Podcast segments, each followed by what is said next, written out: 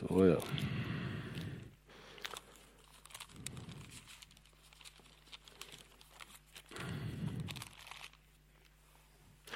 Guds frid allihopa.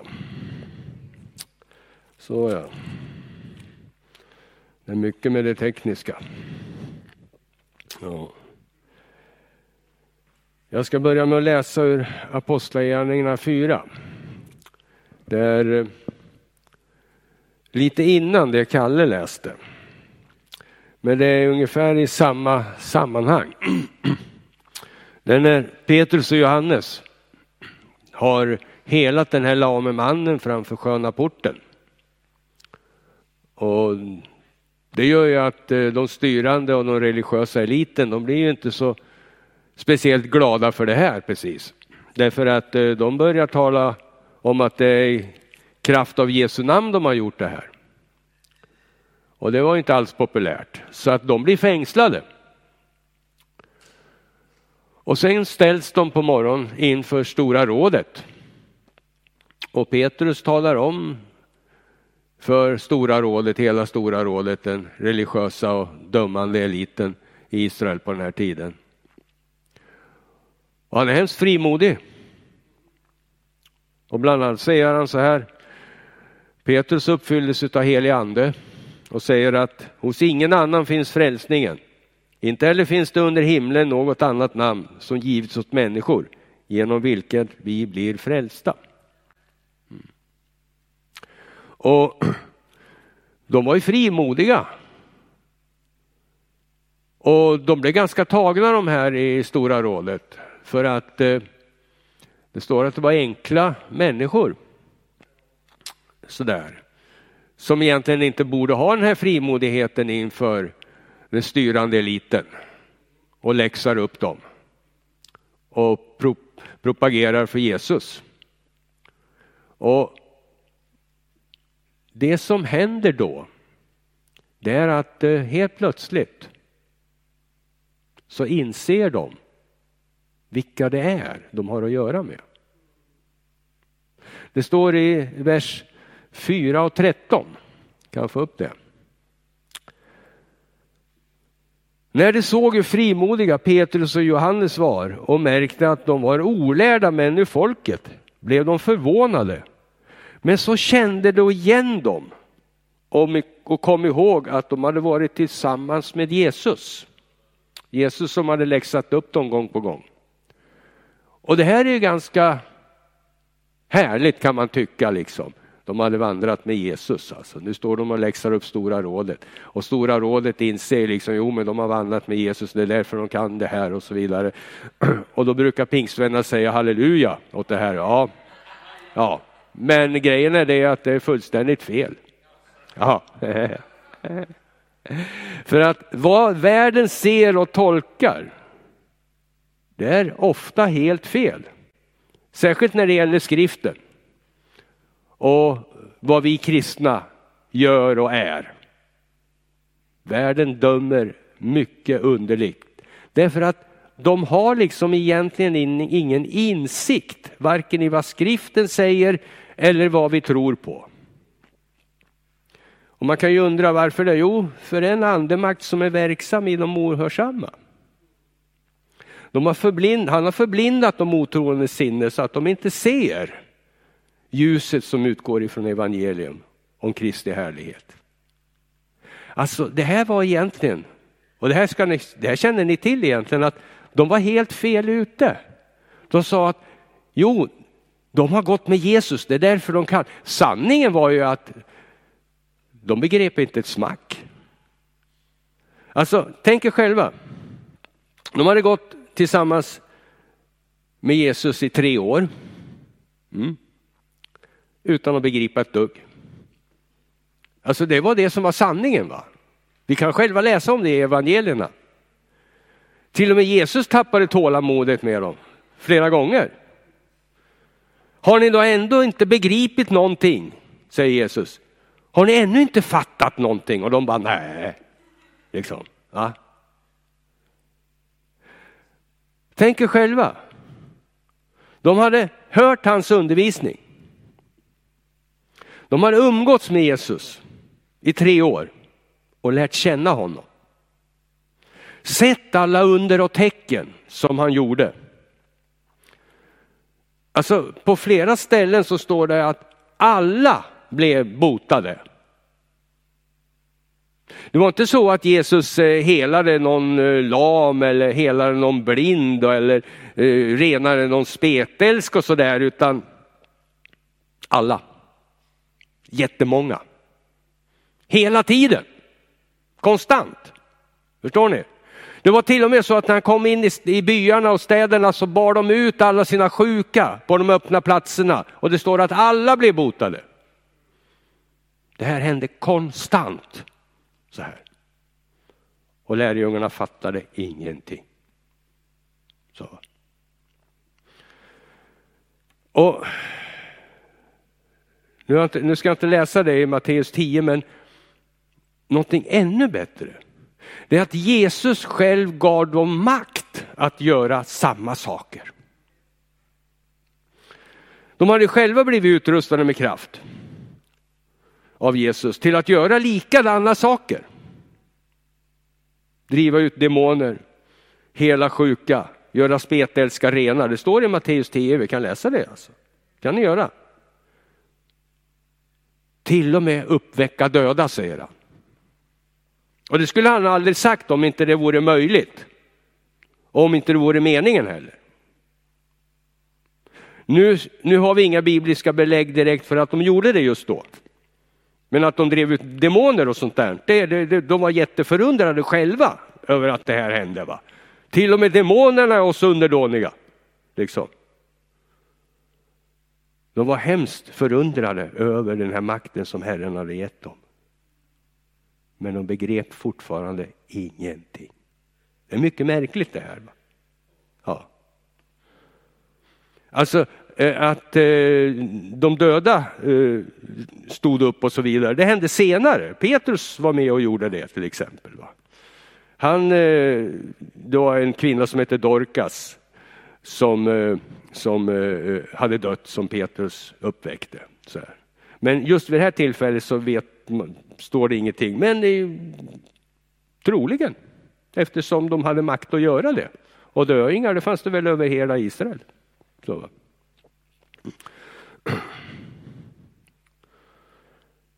Och en gång frågade Jesus dem om de visste vem han var.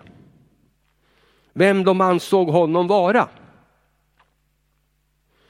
Då kläcker Petrus ur sig, du är Messias, den levande Gudens son.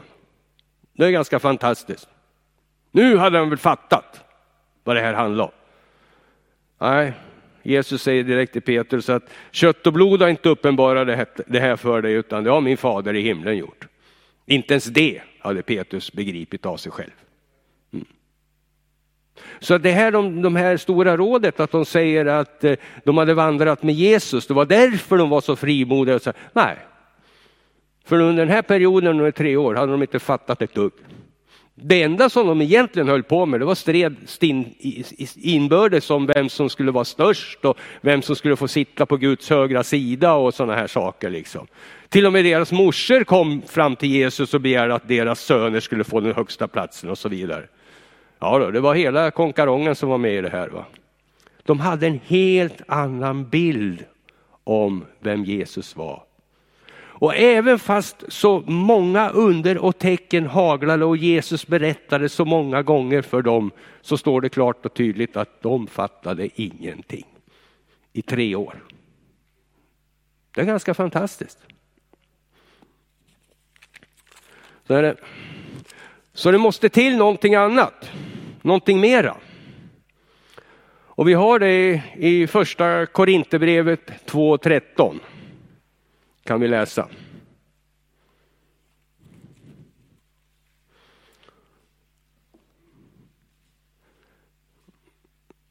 Ja, 12 och 13.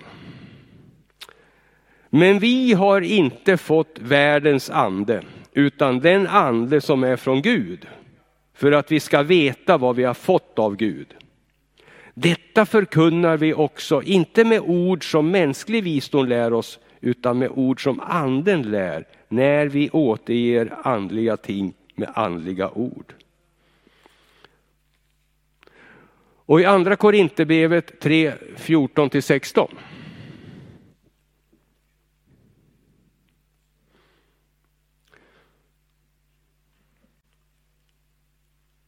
Andra Korinthierbrevet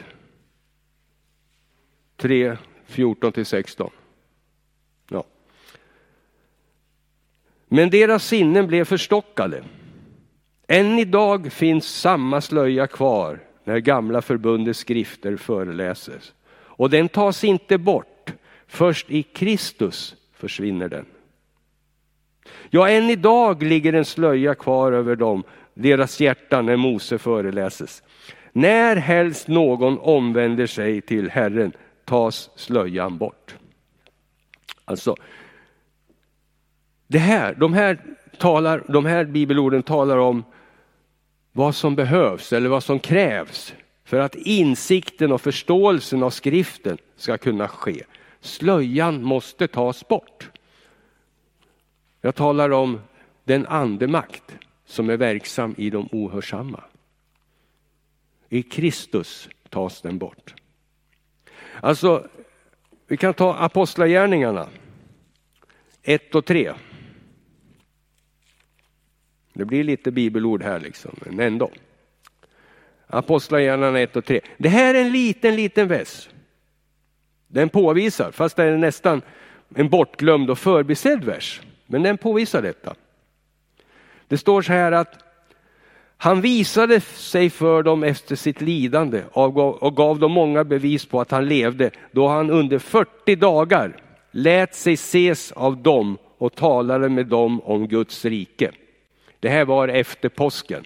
Det var alltså så att säga nu, under den här tiden, under den här perioden fram till pingst. Ifrån påsken fram till pingst 40 dagar, alltså, eller till eh, eh Jesu himmelsfärd, va? 40 dagar. Under den här tiden så visade Jesus sig för sina lärjungar. Och det står på ett ställe, säger Paulus, att, att det var över 500 stycken som var med. Så att det var inte, man kan tro att när man läser skriften och man får höra att Jesus knallar omkring i Israel med sina tolv lärjungar, det, det stämmer inte. Det var ett stort följe. Det var jättemånga som var med honom. Sådär. Det var riktigt eh, resande cirkus som drog land och rike kring där. Ja. Och det, det, alltså, och det är som, som, som eh, det sägs att det har inte skett som Paulus säger till Agrippa. Det har inte skett i något, något hörn här i världen utan det som har skett, det känner du till. Det har ju skett här. Det var ju stor uppståndelse under flera år. Jesus var inte någon undanskymd person sådär va. Tillbakadragen och försagd och blyg inte. Nej. Det hände enorma saker konstant under tre års tid. Där, liksom. Och Paulus säger liksom att över 500 bröder var med under den här perioden och såg det här och var med om det. Han undervisade, han talade med dem om Guds rike. Och det är ganska intressant. För nu verkade de förstå. De verkade fatta för första gången vad Jesus pratade med dem om. För de hade gått i tre år utan att begripa ett smack. Och nu helt plötsligt under 40 dagar så undervisar Jesus och talar med dem om Guds rike. Det hade hänt någonting med dem. Det hade hänt någonting. Man ser det här lite senare också i kapitlet i Apostlagärningarna.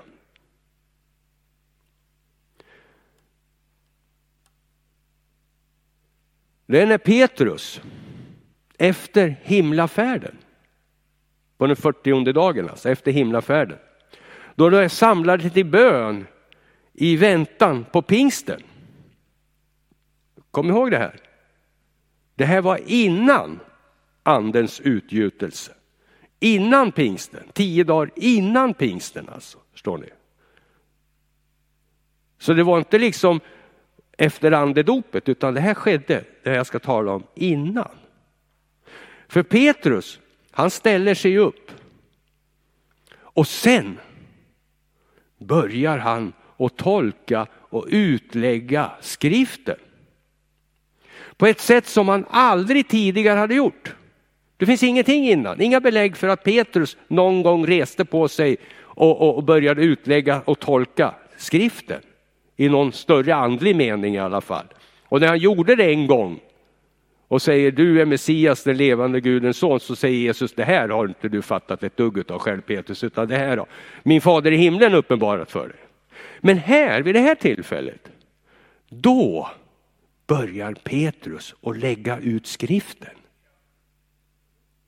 Vad hade hänt med Petrus? Det är samma, liksom, det är bara fortsättningen på de här 40 dagarna som Jesus hade undervisat och de hade begripit saker och ting. Det var någonting som skedde innan de här 40 dagarna då Jesus undervisade dem om Guds rike. Och var innan Petrus hade börjat tolka skriften på rätt sätt för en gångs skull. Och vad hade skett med Petrus? Hur hade han helt plötsligt fått den här insikten? Vi kan läsa om det i slutet på Lukas evangelium, för där har vi det här, vad som hände då. Och det är Lukas 24, verserna 27 och 32. Det är så här att vi befinner oss just nu, nu jag står här uppe, så befinner vi oss just vid den här perioden. Det är precis när Jesus har uppstått. Vi kan säga, han gjorde det i söndags va? Det är eh, pingstdagen. Och nu är det onsdag. Så att, eh, ja, påskdagen. Eh, jag är pingstvän, ni får ursäkta. Det ligger, det ligger så lätt till. Och, ja, ja, påskdagen då. Men jag är påskvän också. Men i alla fall. Det här är Emmausvandrarna. Det sker någonting här den här dagen. Emmausvandrarna som är på väg ifrån Jerusalem till eh, Emmaus. De möter eller de slår följe med Jesus. Han är uppstånden vid det här läget. Men de känner inte igen honom. Då händer någonting.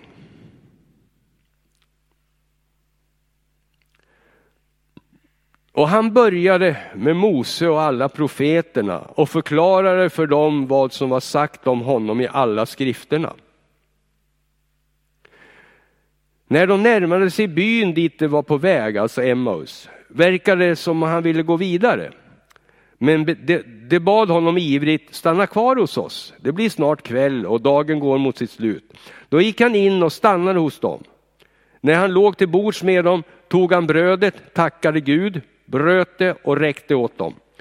Då öppnades deras ögon och de kände igen honom, men han försvann ur deras åsyn. Och de sa till varandra, brann inte våra hjärtan när han talade med oss på vägen och öppnade skrifterna för oss. Det är det här det handlar om. Han öppnade skrifterna för dem. Det, det, kan vi läsa också i verserna 44 och 45. För de eh, rusar ju tillbaks då till Jerusalem och träffar på lärjungarna som eh, av rädsla för judarna eh, har låst in sig. Och Jesus står mitt ibland dem. Så säger han så här, allt måste uppfyllas som är skrivet om mig i Mose lag, hos profeten och salmerna. Sedan öppnade han deras sinnen så att de förstod skrifterna. Det är det här som hände. Han öppnade deras sinnen så att de förstod skrifterna. Det är därför Jesus kunde under 40 dagar efter det här undervisa dem om Guds rike och de begrep. Det är därför Petrus kunde helt plötsligt av sig själv genom Guds ande kunna utlägga skrifterna. Det är för att Jesus hade öppnat deras sinnen så att de förstod skrifterna. Det var det här som hade hänt. Tänk er, de hade vandrat tre år tillsammans med honom utan att begripa ett smack. Och nu helt plötsligt så fattar de. Nu begriper de. Så va. Det, ser, det står ju också i Johannes evangelium att han stod mitt ibland dem och andades på dem och sa tag emot helig ande. Det är genom den heliga ande det här sker. Och innan korsfästelsen så har han sagt så här att de nu var rena i kraft av hans ord. De var rena i kraft av hans ord. Jesus är ordet. Guds ande är ordet. Alltså förståelsen och insikten i skriften, den börjar redan när du blir frälst och kommer till tro. Då öppnas dina sinnen så att du börjar förstå skriften. Det är det som händer. Därför att i frälsningsögonblicket, då flyttar Guds ande in i dig. Och det är han som öppnar och levandegör ordet för dig. Därför att han ju är ordet själv. För mig var det på det här sättet att jag hade varit frälst kanske en liten ja, en månad eller någonting sånt där, om ens det. Eh, och som på pingstvis så räckte de mig en bibel och sa läs. Och jag satte igång och läsa. Jag började med Matteus och jag läste igenom evangelierna och så här. Och, och det, jag är så pass gammal så att eh, när jag gick i skolan så hette det kristendomsundervisning man fick lära sig i skolan. Det var inte någon religionsundervisning alltså, utan det var kristendomsundervisning. Ni vet det var psalmverser och, och morgonbön och, och psalm på morgonen. Den här fröken brukar sitta vid den här tramporgeln och pumpa igång den här Din klara sol går åter upp och hon sjöng så sakta som man trodde aldrig den där solen skulle gå upp. Alltså, så, det var, och bordsbön också. Vi fick be innan vi gick ner till matsalen och käkade och sådär. Alltså det, det var kristendomsundervisning. Och på något sätt så fastnade saker och ting. Va? Det var mycket läsning ur Bibeln och sådär. Va? Och sen eh, var det konfirmationen och sådär som man fick vara med och, och så. Va? Men så att när jag började läsa Bibeln, och jag har läst ganska mycket av alltså vanlig profan litteratur och sådär. Och varit intresserad av sånt där. Så att det var mycket liksom som så att säga hela västerlandets kultur hänger ju alltså egentligen på skriften, på Bibeln. Alltså. Nästan allting inom västerlandet handlar om frågeställningar och svar ur skriften. Alltså.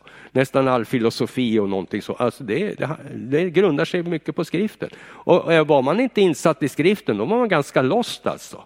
Sådär. Utan det är det som hela västerlandets kultur och litteratur vilade på. Liksom. Det var skriften och det har alltid gjort det. Alltså. Utom nu i dessa upplösningstider upplysningstider kanske det heter, men jag kallar det för upplösningstider. I alla fall. Men jag började läsa Matteus och Markus och Lukas och Johannes och så här och jag kände igen mig.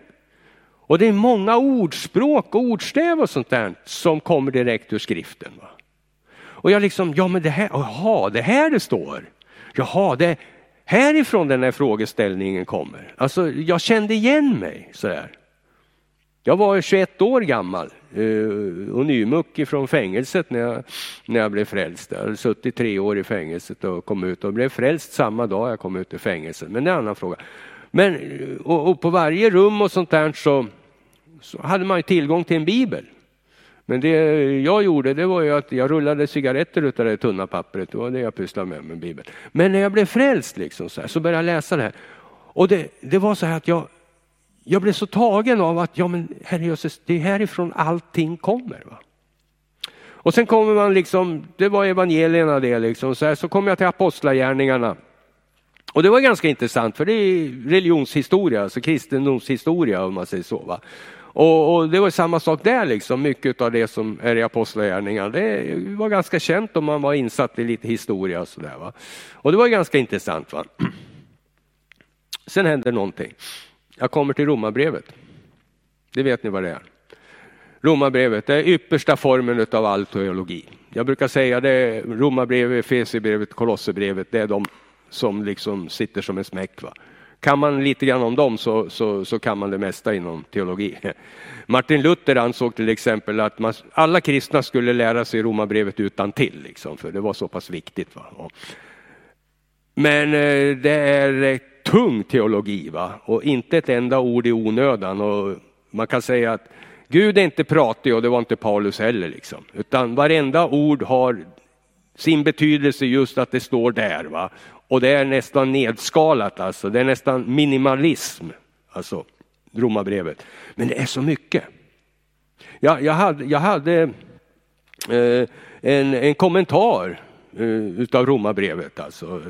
Eh, och, och, man tänker sig romabrevet, eh, det är ungefär så här tunt i Bibeln. Kommentaren var så här tjock.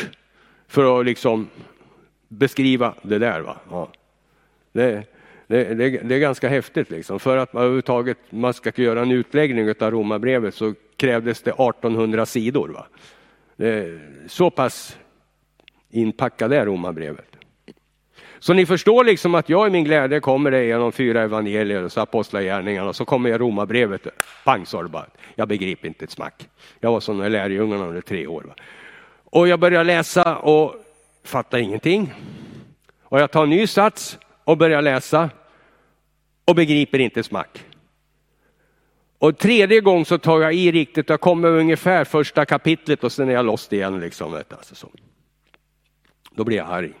Jag blir riktigt arg. Vet. Jag kommer ihåg jag låg i, i, i, i, i Norrköping där jag då bodde, ute i Vilbergen, låg i min säng där ute.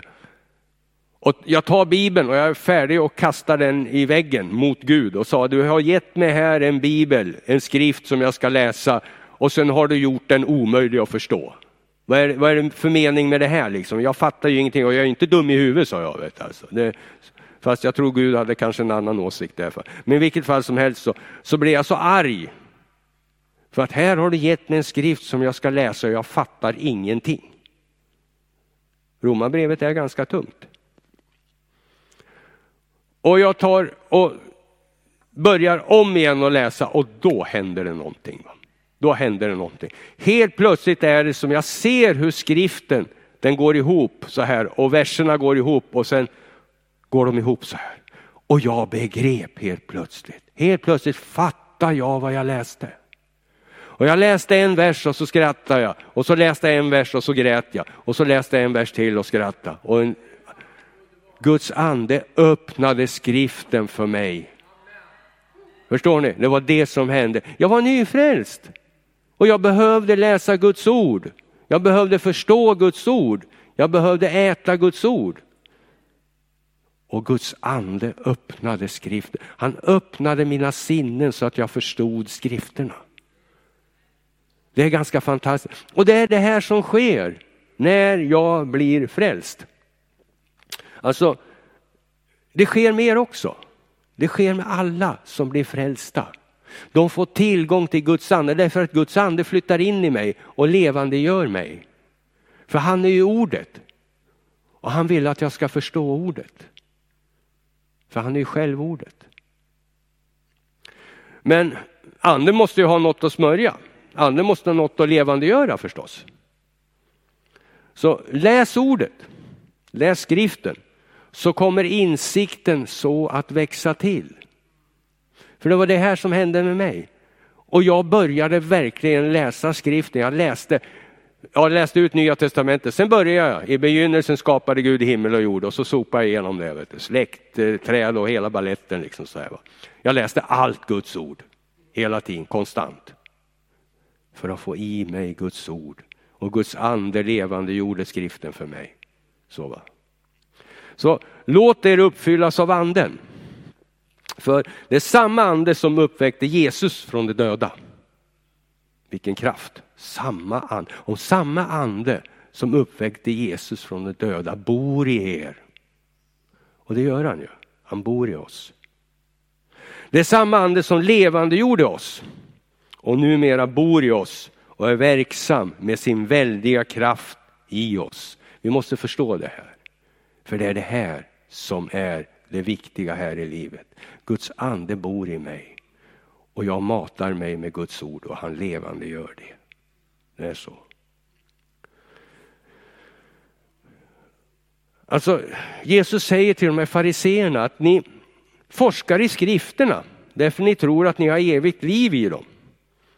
Och det är dessa som vittnar om mig.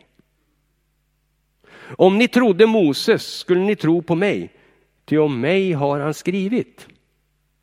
Jag brukar säga så här att Första kapitlet i första Mosebok det är himmeln och jordens skapelse. Andra kapitlet är människans skapelse. Tredje kapitlet är syndafallet. Resten handlar om Jesus.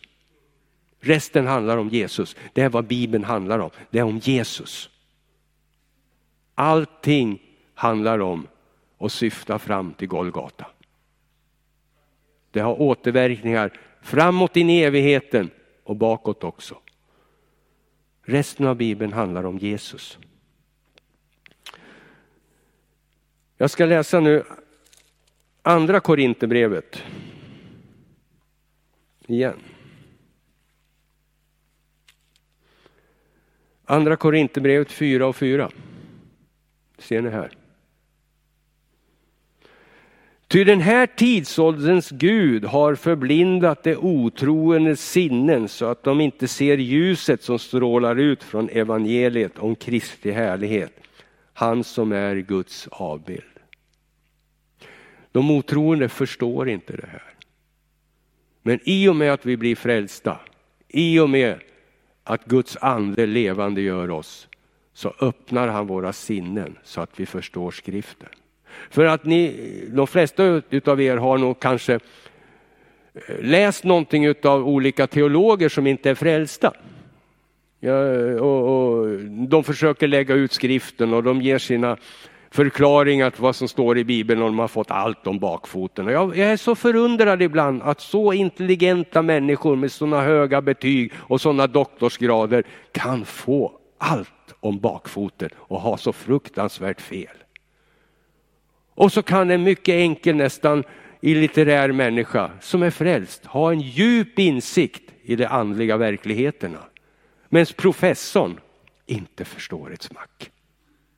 Därför att den andemakt som är verksam i de ohörsamma, han har förblindat deras sinnen så att de inte ser ljuset ifrån evangelium som strålar ut. Man måste bli frälst. För jag säger, det är samma sak som jag läste nyss. Men när helst någon omvänder sig till Herren så tas den här slöjan bort. Först i Kristus försvinner den här slöjan. Så i och med att vi har blivit frälsta så har vi Guds ande. Och det är bara att öppna skriften och börja läsa. Så kommer anden att levande göra. Amen.